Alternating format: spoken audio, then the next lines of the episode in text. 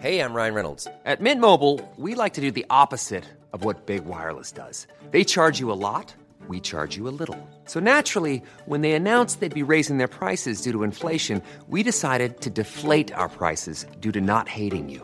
That's right. We're cutting the price of Mint Unlimited from $30 a month to just $15 a month. Give it a try at mintmobile.com slash switch. $45 upfront for three months plus taxes and fees. Promo rate for new customers for limited time. Unlimited more than 40 gigabytes per month. Slows. Full terms at mintmobile.com. Hey, it's Ryan Reynolds, and I'm here with Keith, co-star of my upcoming film, If, only in theaters May 17th. Do you want to tell people the big news?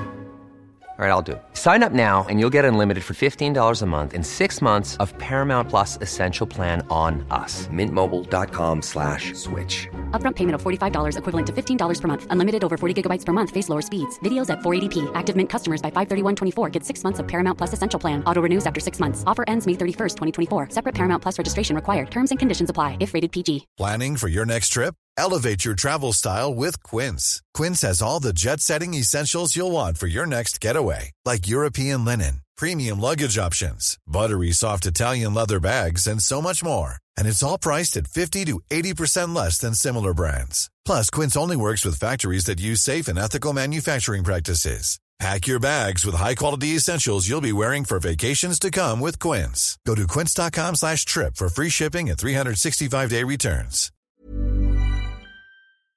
Helt siden de første menneskene slo seg ned i Trøndelag, har det blitt observert underlige lys over Hessdalen. Fenomenet har blitt forsøkt bortforklart som syner sett av bygdetullinger og deliriske hallusinasjoner forårsaket av den lokale drikkekulturen. Men det skulle vise seg at fenomenet stakk langt dypere, når Hessdalen-fenomenet fikk verdensomspennende oppmerksomhet i ufo-miljøet på 1980-tallet. Fenomenet er fremdeles der, og det er fremdeles like uforklarlig som den gang. I 2024 kommer en podkastserie i seks deler, produsert av Project Hessdalen, som kanskje en gang for alle skal finne svar på hva som rører seg på himmelen i denne bortgjemte dalen i Trøndelag. Serien har som seg hør og bør fått tittelen A Blaze in the Northern Sky, og den kommer til din favorittpodkastavspiller i 2024.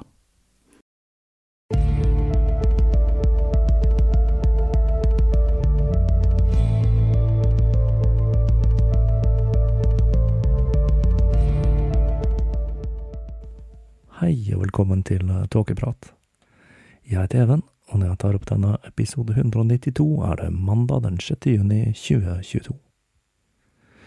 Nå går jeg over på podkast-appen Greatcast, som koster 200 kroner i måneden for en litt halvkjip app, hvor du finner meg samt masse podcaster du egentlig ikke vil høre på. Nei da, tåkeprat er fremdeles et skinnende håp av lys i en stadig mer uoversiktlig og kommersiell tåke av podcaster der ute. Og det håper jeg også at den forblir noe Patrion, nettbutikken og nå også Livecaster er med på å muliggjøre.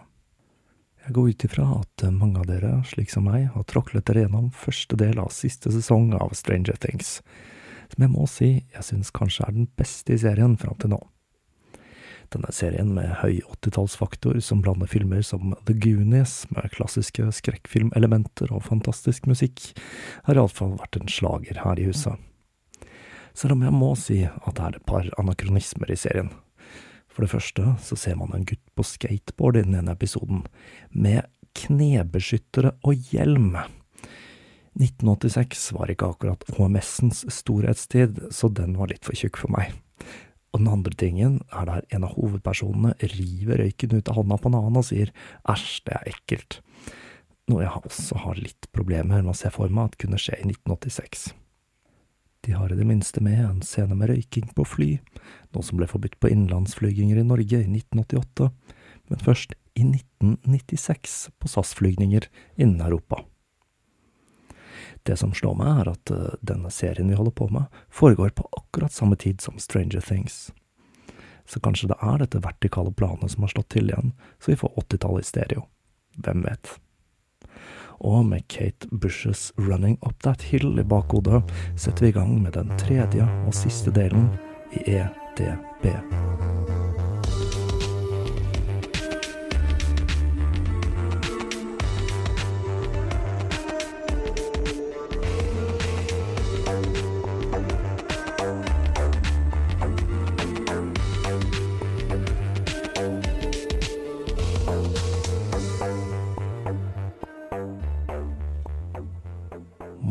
Slutten av august begynte Ken å skli inn i en depresjon. Alle hendelsene og det enorme fokuset på alt som skjedde i huset, hadde blitt litt i overkant for mye. Det virket som om Lucas hadde fått med seg at Ken var nedstemt, for han skrev og spurte om det var noe han kunne gjøre. Og for å forsøke å løfte stemningen, skrev han to dikt av Thomas Wyatt, poeten som blir kreditert for å ha introdusert sonetten i britisk litteratur, på maskinen til Ken. Peter reagerte litt på dette, siden førsteutgaven av diktsamlingen med de diktene Lucas skrev, ikke hadde blitt publisert i den perioden Lucas han skrev fra. Lucas kunne da fortelle at diktet det hang på veggen på Brasnows College. Men alt var ikke bare velstand i Lucas sin tid. Noe forferdelig hadde skjedd, sa han. Det gikk nemlig rykter om at tjenestepiken hans, Katarina, hadde blitt brent som heks. Datamaskinen, som de jo hadde plassert på en blomsterpott og en telefonkatalog for å holde 2109 unna, begynte å bli utsatt for poltergeistaktivitet i denne perioden. Det virket som om det var noe eller noen som forsøkte å flytte den fra der den sto, og Ken var redd at den skulle falle i gulvet og bli ødelagt. Så ble det stille fra Lukas en stund. Når de til slutt fikk en ny melding, skrev Lukas at Katarina var blitt brent. Han var svært trist. Katarine var bare 14 år gammel og uskyldsren, skrev han. Peter hadde skrevet at det ikke hadde vært noen heksebrenninger i Chester på den tiden, men Lucas skrev at dette var feil, og at det tvert imot var ganske mange, men at myndighetene valgte å overse denne praksisen slik at henrettelsene ikke ble dokumentert. Det virket virkelig som om noen forsøkte å fjerne datamaskinen fra denne litt underlige firewallen, for en dag var den plutselig helt vekk. De fant den igjen på badet, sammen med monitoren, kablene og til og med blomsterpotten den sto på. Det var skrevet noe med kritt på flisene. Én sjanse til, mål frekvensen med pluss to energi, hva annet enn lyd og lys. Disse stadige angrepene på maskinen førte til slutt til at diskettstasjonen deiset i bakken og måtte sendes på reparasjon den 5. september. Like før dette skjedde, hadde Ken skrevet en melding til Lucas der han spurte om mer informasjon om personen som hadde hatt med seg lysboksen.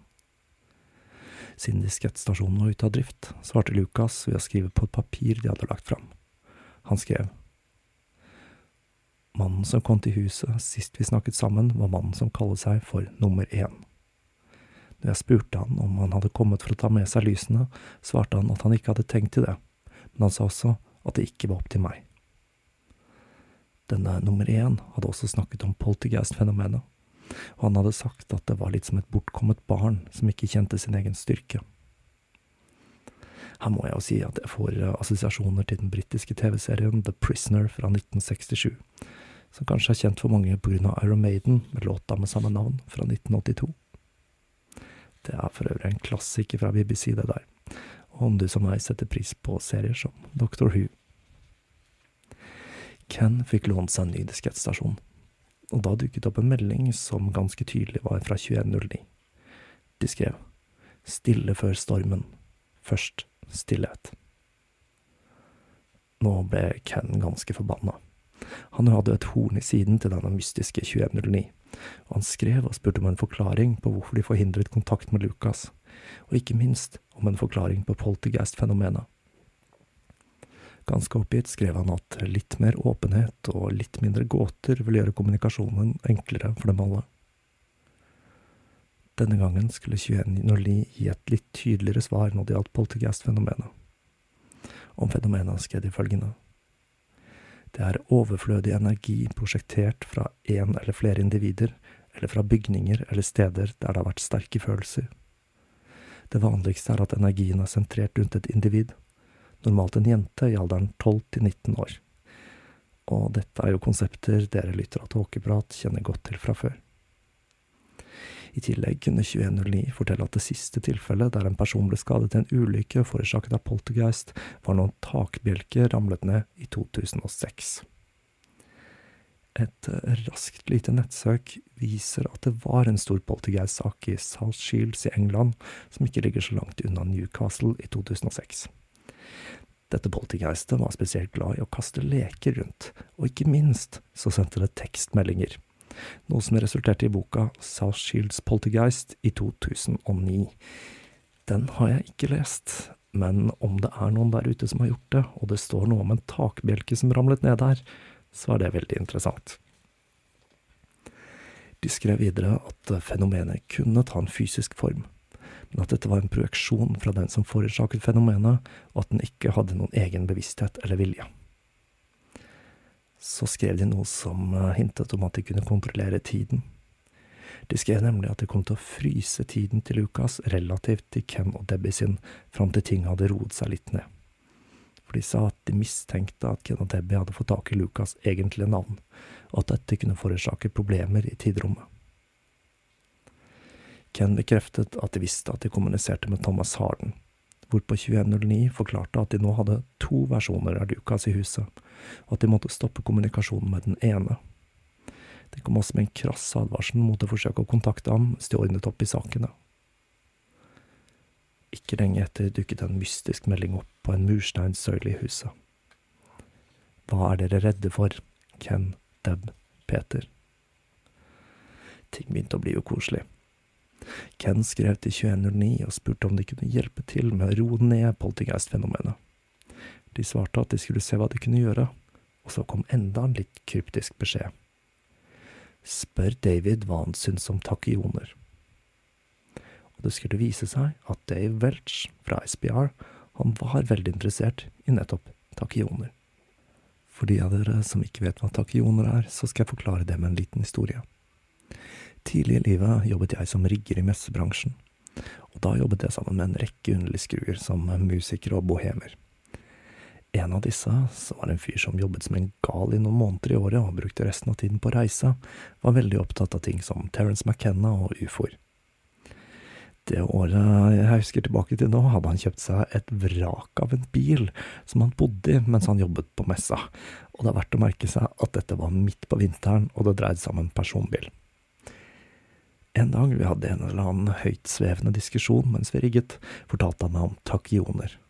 Storøyd veivet han i luften og forklarte at dette var partikler som går raskere enn lysets hastighet. Og det er akkurat det de er. Takioner er teoretiske partikler som beveger seg raskere enn lyset i sin egen tid, og som aldri kan gå saktere enn denne fartsgrensen til universet, og som ifølge Feinberg, som var en tilhenger av takionkonseptet, likevel ikke vil bryte med relativitetsteorien fordi partiklene ikke kan utveksle informasjon med vårt tidrom. Eller noe sånt. Nå får jeg vel noen sinna mailer fra fysikkstudenter, tenker jeg. Det gikk for øvrig bra med han som sov i bilen til slutt. Sist jeg hørte, hadde han arvet en god slump med penger og var på jordomseiling.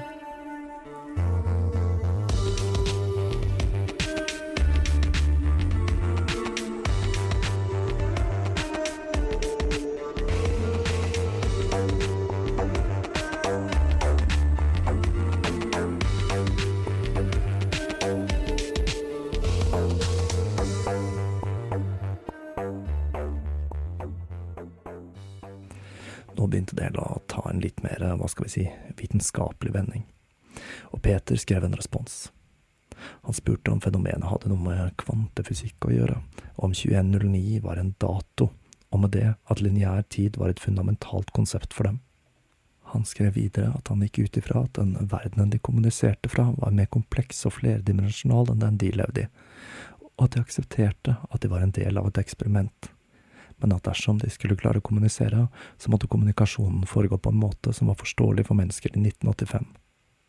For oss, skrev han, er Lukas en ekte person som lever på 1500-tallet, og han har en spesiell interesse for meg fordi jeg studerer språk. 2109 svarte at ordet flerdimensjonal hadde en større betydning enn de kunne ane, og at det fantes noen regler dersom man skulle reise i tid. De forsøkte å gjøre det heller klarere med fire punkter. Om en person skal reise i tid, må personen ta plassen til en i tiden han skal reise til, og vice versa. Materie slik dere kjenner den, kan ikke reise i tid. Det er ikke vi som kontrollerer dette eksperimentet. Thomas er en person som lever på 1500-tallet, men uvisst for ham så er han ikke helt hva han ser ut til. Og så var det et lite notabene. 2109 ville gjerne at Ken skulle få Thomas til å få tak i denne nummer én, da det var svært viktig at de fikk snakke med ham. Denne interessen for den mystiske nummer én var en som skulle vedvare, og det var tydelig at dette individet spilte en sentral rolle i det hele. SPR ble stadig mer oppgitt over det voksne persongalleriet, men nå hadde de en ny plan. Siden det ikke så ut til å tikke inn meldinger mens de var i huset, så foreslo de at de skulle skrive inn en rekke med spørsmål, hvorpå alle skulle dra fra huset og vente på den berømte puben Red Lion. Etter 40 minutter skulle etterforskerne gå tilbake og slette spørsmålene, slik at 2109 kunne svare på et senere tidspunkt, uten at Ken, Debbie eller Peter hadde sett spørsmålene. Om svarene var veldig spesifikke, ville det vise at de tre ikke var involvert. Og slik ble det. Mot slutten av september dukket Dave opp med ti spørsmål bare han kjente til. Og han hadde en ny teori. Han mente at noen kanskje kunne manipulere datamaskinen via strømledningene, noe som virket litt flåsete med en så simpel maskin som en BBC Micro.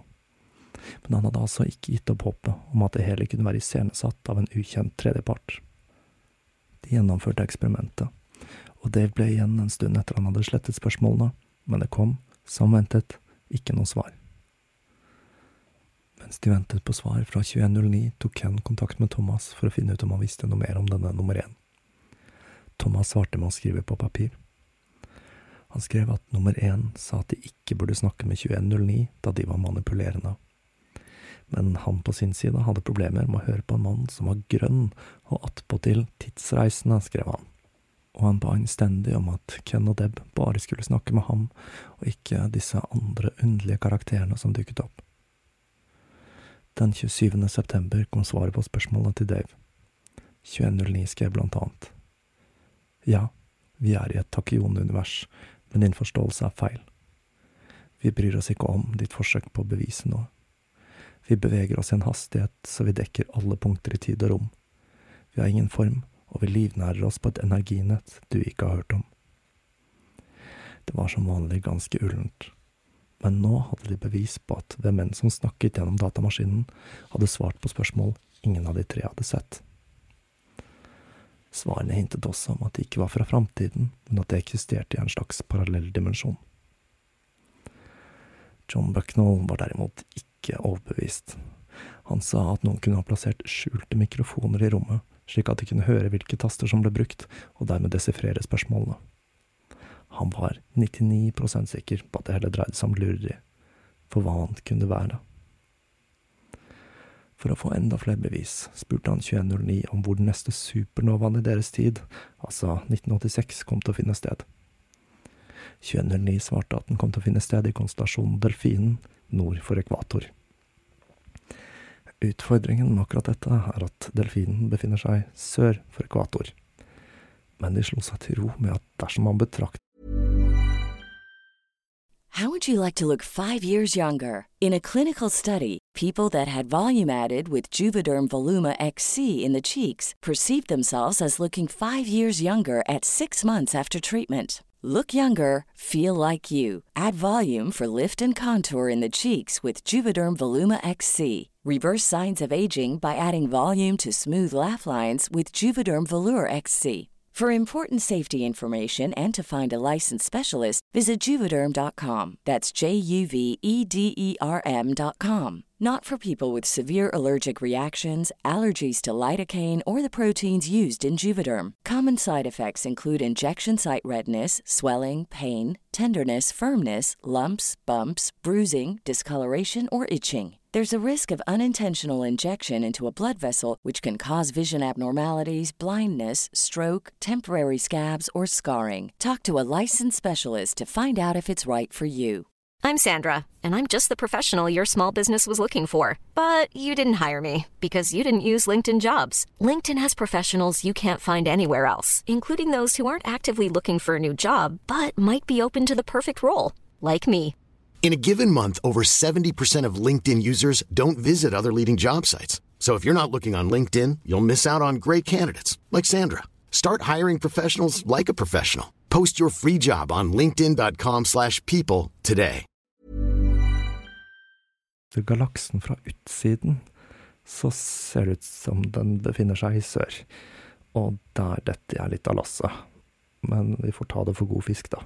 At det ser ut som delfinen befinner seg på den sørlige halvkule, om man ser jorda fra utsiden av galaksen. Hva vet nå jeg? Ken begynte å føle et behov for å dra inn nye etterforskere i saken. Han var rett og slett litt lei av å føle seg mistenkt. 2109 hadde fortalt at eksperimentet nærmet seg slutten, at Thomas snart ville forlate dem. Thomas for sin del kommuniserte nå stort sett på papir, han skrev at han var skuffet over at de fremdeles kommuniserte med 2109, men Ken forklarte at de rett og slett ikke hadde noe valg. I tillegg til å skrive hadde han begynt å tegne. Blant annet hadde han tegnet en vindmølle som var like ved der han bodde, og en skisse av landsbyen han bodde i. De fant ruinen av vindmøllen, og landskapet stemte godt overens med hva Thomas hadde tegnet. Men skissen av landsbyen stemte ikke overens med slik de kjente Chester, og de innså at dette måtte være verden slik den så ut gjennom Thomas sine øyne, og ikke et nøyaktig kart fra samtiden. Eller det var nå iallfall det de kom fram til. Meldingene fra 2109 fortsatte å renne inn, og det så ut til at dette vertikale planet hadde åpnet seg for enda flere deltakere, for nå fikk de nemlig denne kryptiske meldingen. Jeg kjenner deres største frykt. Jeg vet hvordan det er å være full av følelser. Jeg kan gripe inn i alle signalbærende innretninger, inkludert datamaskiner. Jeg har makten til å få deg til å gjøre hva som kreves. Er du sint? Veldig sint. Jeg kan stoppe kommunikasjonen i maskinen. Alt er ikke som det ser ut til. Du har ikke anledning til å være sint. Noen er i vanskeligheter.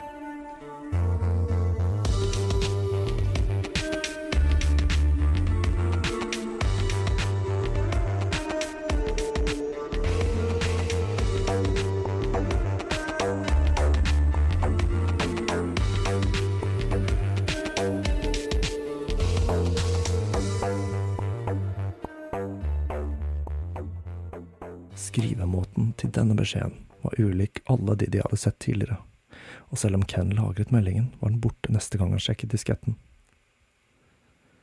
John Bucknell kom innom igjen, med en mann som presenterte seg som Nick. Ken fikk inntrykk av at dette var Johns overordnede i SPR. Nick spurte om han kunne ta med seg datamaskinen for å sjekke om den var rigget, noe de gikk med på, og SPR satte opp sin egen maskin på kjøkkenet istedenfor, og ga beskjed om at dersom det kom en melding fra 2109, så måtte de ringe med en gang. Og en beskjed, det fikk de. 2109 skrev at de nektet å svare på flere stjernespørsmål, at de forsto hvorfor de stilte spørsmålene og hva de ønsket å oppnå, men at det var de og ikke 2109 som trengte hjelp. Dessuten stilte de en rekke spørsmål om Nick, og ba om mer informasjon om ham. John på sin side nektet å gi noe mer informasjon om Nick, da han mente at det ikke var relevant. Og 2109 de krevde å få tilbake BBC Micron, og de ba også om at de skulle slutte å kommunisere med Thomas på papir. Forviklinger er vel stikkordet her, da. For å toppe det hele så begynte denne karakteren nummer én å dukke opp i en slags dialog med 2109 på skjermen, der de kranglet om bruken av såkalte SM-sfærer. Hva nå enn det er. Det er kanskje noe som dukker opp når man ser galaksen fra utsiden, det da. Så ble det stille fra 2109 fram til den 1. november, hvor Ken skrev Hva skjer? Og så vi kan svare Hvem vet? like etterpå. Når de begynte å skrive igjen, så var det om Nick. De spurte om han jobbet for MI5, for de kunne ikke finne noe informasjon om han, og de skrev at de hadde fått nok av SPR, og at dette var den siste advarselen. Ken og Peter bestemte seg for at tiden var inne for å dra inn enda en part i saken, og de tok kontakt med lokalavisen. Reporteren Neil Bartlem så ut til å ta dem på alvor når de forklarte tingenes tilstand, men det hjalp kanskje litt at han var ganske ung, og at han også var en tidligere elev av Ken. Ken var ikke like happy for å få historien på trykk som Peter, og han insisterte på at Neil ikke skulle nevne 2109, og at historien ikke måtte havne på førstesiden. Så ble det stille. De fryktet at historien hadde blitt refusert. Men litt over en uke senere ringte Neil, og han forklarte at han hadde hatt problemer med å få redaktøren til ikke å trykke historien på førstesiden. Den blir publisert i morgen, fortalte han. Historien ble en helsidesartikkel, og til tross for det frynsede ryktet til britisk presse, så var den forholdsvis nøytral. Neil hadde kontaktet SPR, og de hadde sagt at de var sikre på at det hele var forårsaket av mennesker, og ikke av overnaturlige krefter.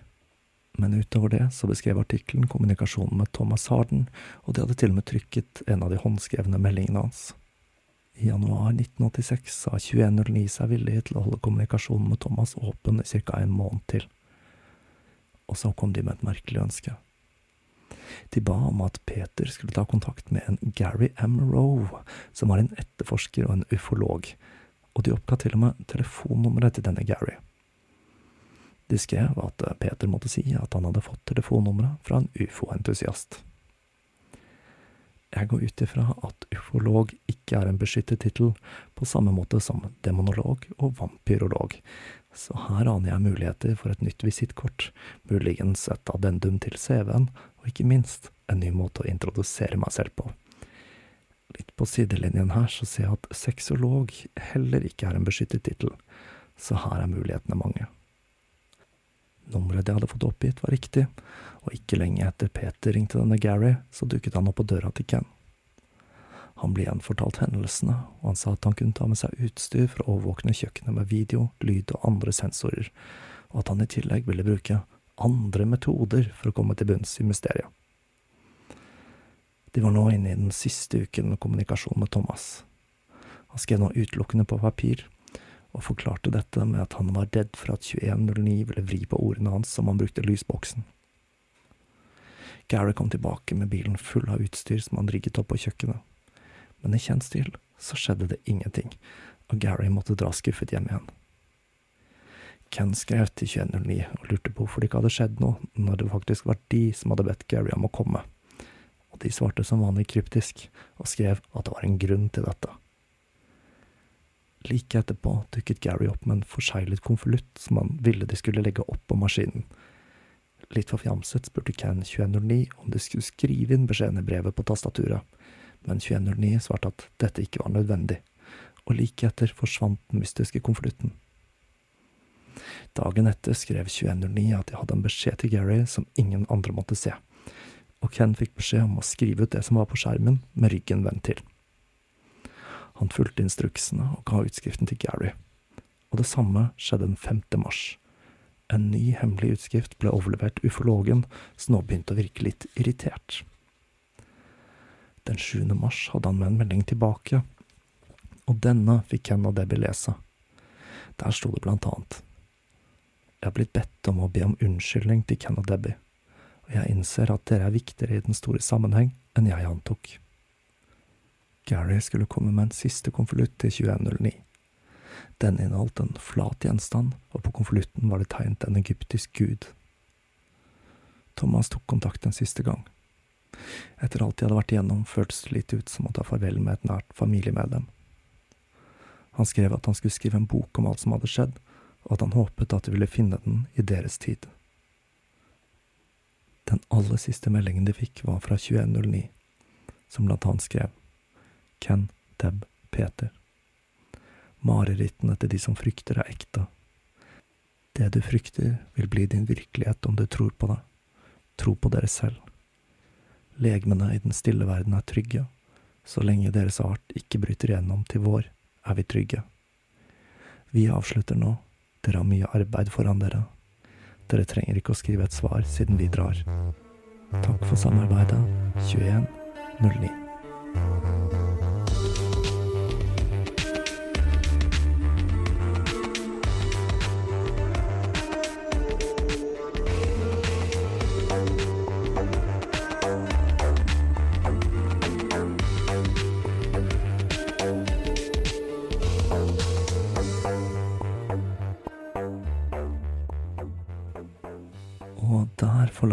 EDB og historien til Ken Webster. Men historien den tok ikke helt slutt for Ken sin del. For eh, i juli 1987 fikk han et brev fra Luxembourg med en utskrift hvor han kunne lese Ta kontakt med Ken Webster i ferien. Svært viktig. Takk. Underskrevet 2105. Skrevet på den samme kjente, rablete måten de hadde sett tidligere. Ken snakket med de som hadde sendt ham brevet i august. Var ekteparet Hartz Fischbach som fortalte at de hadde vært i kontakt med en skapning som kalte seg selv for Teknikeren. Og det var ikke siste gang han skulle høre fra det vertikale planet det året. I desember ble han kontaktet av Ernst Senkowski, en tysk fysikkprofessor som fortalte om en person i Svartsvald som hadde hatt en lignende opplevelse som Ken, hvor beskjeder dukket opp på datamaskinen. Hva som egentlig skjedde med Ken Webster i de 15 månedene dette pågikk, har vi ikke noe fullgodt svar på. SPR lagde aldri en offentlig rapport om hendelsen, og Dave Welch han sluttet i organisasjonen like etter hendelsene i den historien. Denne ufologen Gary, med konvolutten med den mystiske gjenstanden i, lagde heller ingen rapport, og trakk heller ingen konklusjoner.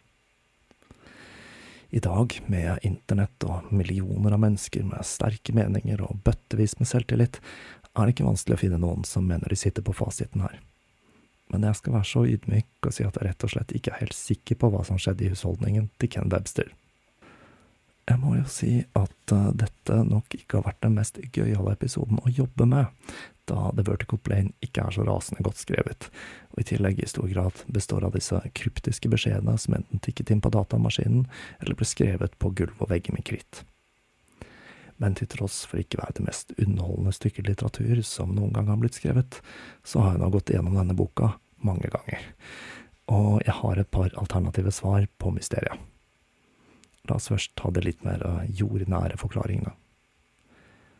Det første man kommer på, er jo at eh, Ken, Debbie og Peter selv sto bak det hele, og at det hele var en avansert spøk. Peter var utdannet innen gammelengelsk, og kunne derfor lett etterligne språket til en fra 1500-tallet. Men det er flere ting som taler imot denne hypotesen. For det første så ble ikke boka publisert før i 1989, så det virker ikke som om det å skape sensasjon og selge bøker var drivkraften. Nå kan det jo tenkes at de tre var veldig, veldig glad i skøyestreker, men det må jo ha gått med utrolig mye arbeid for å gjennomføre dette, i tillegg til jobb, oppussing av hus osv. Slik Ken selv fremstiller det i boka, så var alt det som skjedde mer til bry enn noe annet. Men det er denne forklaringen de aller fleste heller imot. Den andre jordnære forklaringen er at det er en ukjent tredjepart som sto bak det hele.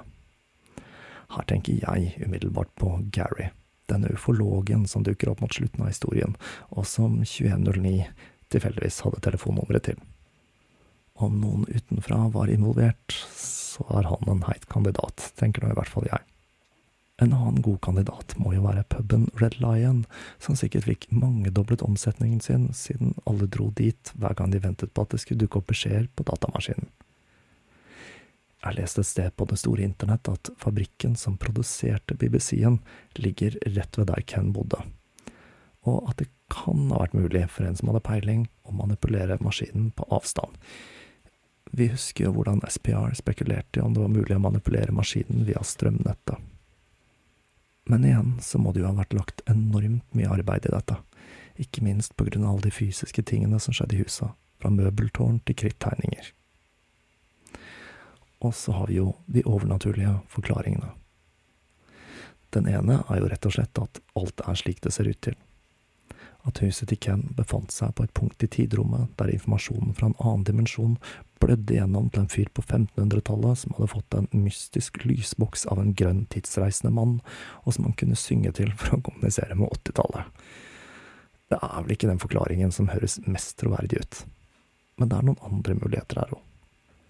Ken og Debbie spekulerer i boka om det hele kunne skyldes en form for psykokinese, og at det var de selv som ubevisst sto bak det hele, da ved å kunne snakke mentalt til BBC Micron. Det er en versjon av dette jeg syns er mest tiltalende. Hva om det hele rett og slett dreier seg om et enkeltstående poltergeist-fenomen som framsto som ulike personligheter fra ulike tider, slik at det ikke var noen Thomas Harden, 2109 eller nummer én, men at det kun var ulike aspekter av denne energien, som muligens var trigget av Debbie, som sto bak det hele. Det er jo akkurat dette 2109 hinter om når de endelig svarer på spørsmålet om hva som forårsaket poltergeist-aktiviteten. Nå har vi uansett kommet til veis ende i denne fortellingen, og nå kjenner jeg at jeg har lyst til å gyve løs på et litt dypere historisk tema, selv om jeg jo må si at det alltid er gøy med poltergeist. Det nærmer seg ferietid for min del, jeg har et par skikkelig store temaer jeg har tenkt å ta for meg til høsten, men før den tid blir det tid til en episode eller to før jeg tar ferie og dykker ned i de sakene der. men jeg har ennå ikke helt bestemt meg for hva jeg skal ta for meg. Historisk så har sommerepisodene vært ganske fæle, men vi får nå se hvilket tema jeg havner på. Fram til neste episode så vil jeg aller først takke alle dere som støtter meg på Patrion. Det har vært en jevn pågang av nye støttespillere der den siste tiden, og det setter jeg veldig pris på. Mens andre podcaster spiller ping-pong med ulike podcast-apper og finansieringsløsninger, så lener jeg meg på troen på at dere som hører på, setter pris på en grundig og unik podkast som er løsrevet fra samfunnets kommersielle drivverk, og jeg håper at kombinasjonen av Patrion, livecaster og salg av merch er noe som kan holde denne skuta gående i lang, lang tid framover, med integriteten høyt hevet i baugen mens jeg seiler ut på tåkehavet. Jeg vil selvsagt også takke alle dere som har handlet i nettbutikken, hvor man blant annet kan få kjøpt Trifecta-T-skjorten med Crowley, Lene Riefenstahl og Rasputin, en kombinasjon man ikke finner mange andre steder enn nettopp her på Tåkeprat. Og helt til slutt vil jeg rette en takk til deg som hører på. Vi høres igjen om ikke lenge.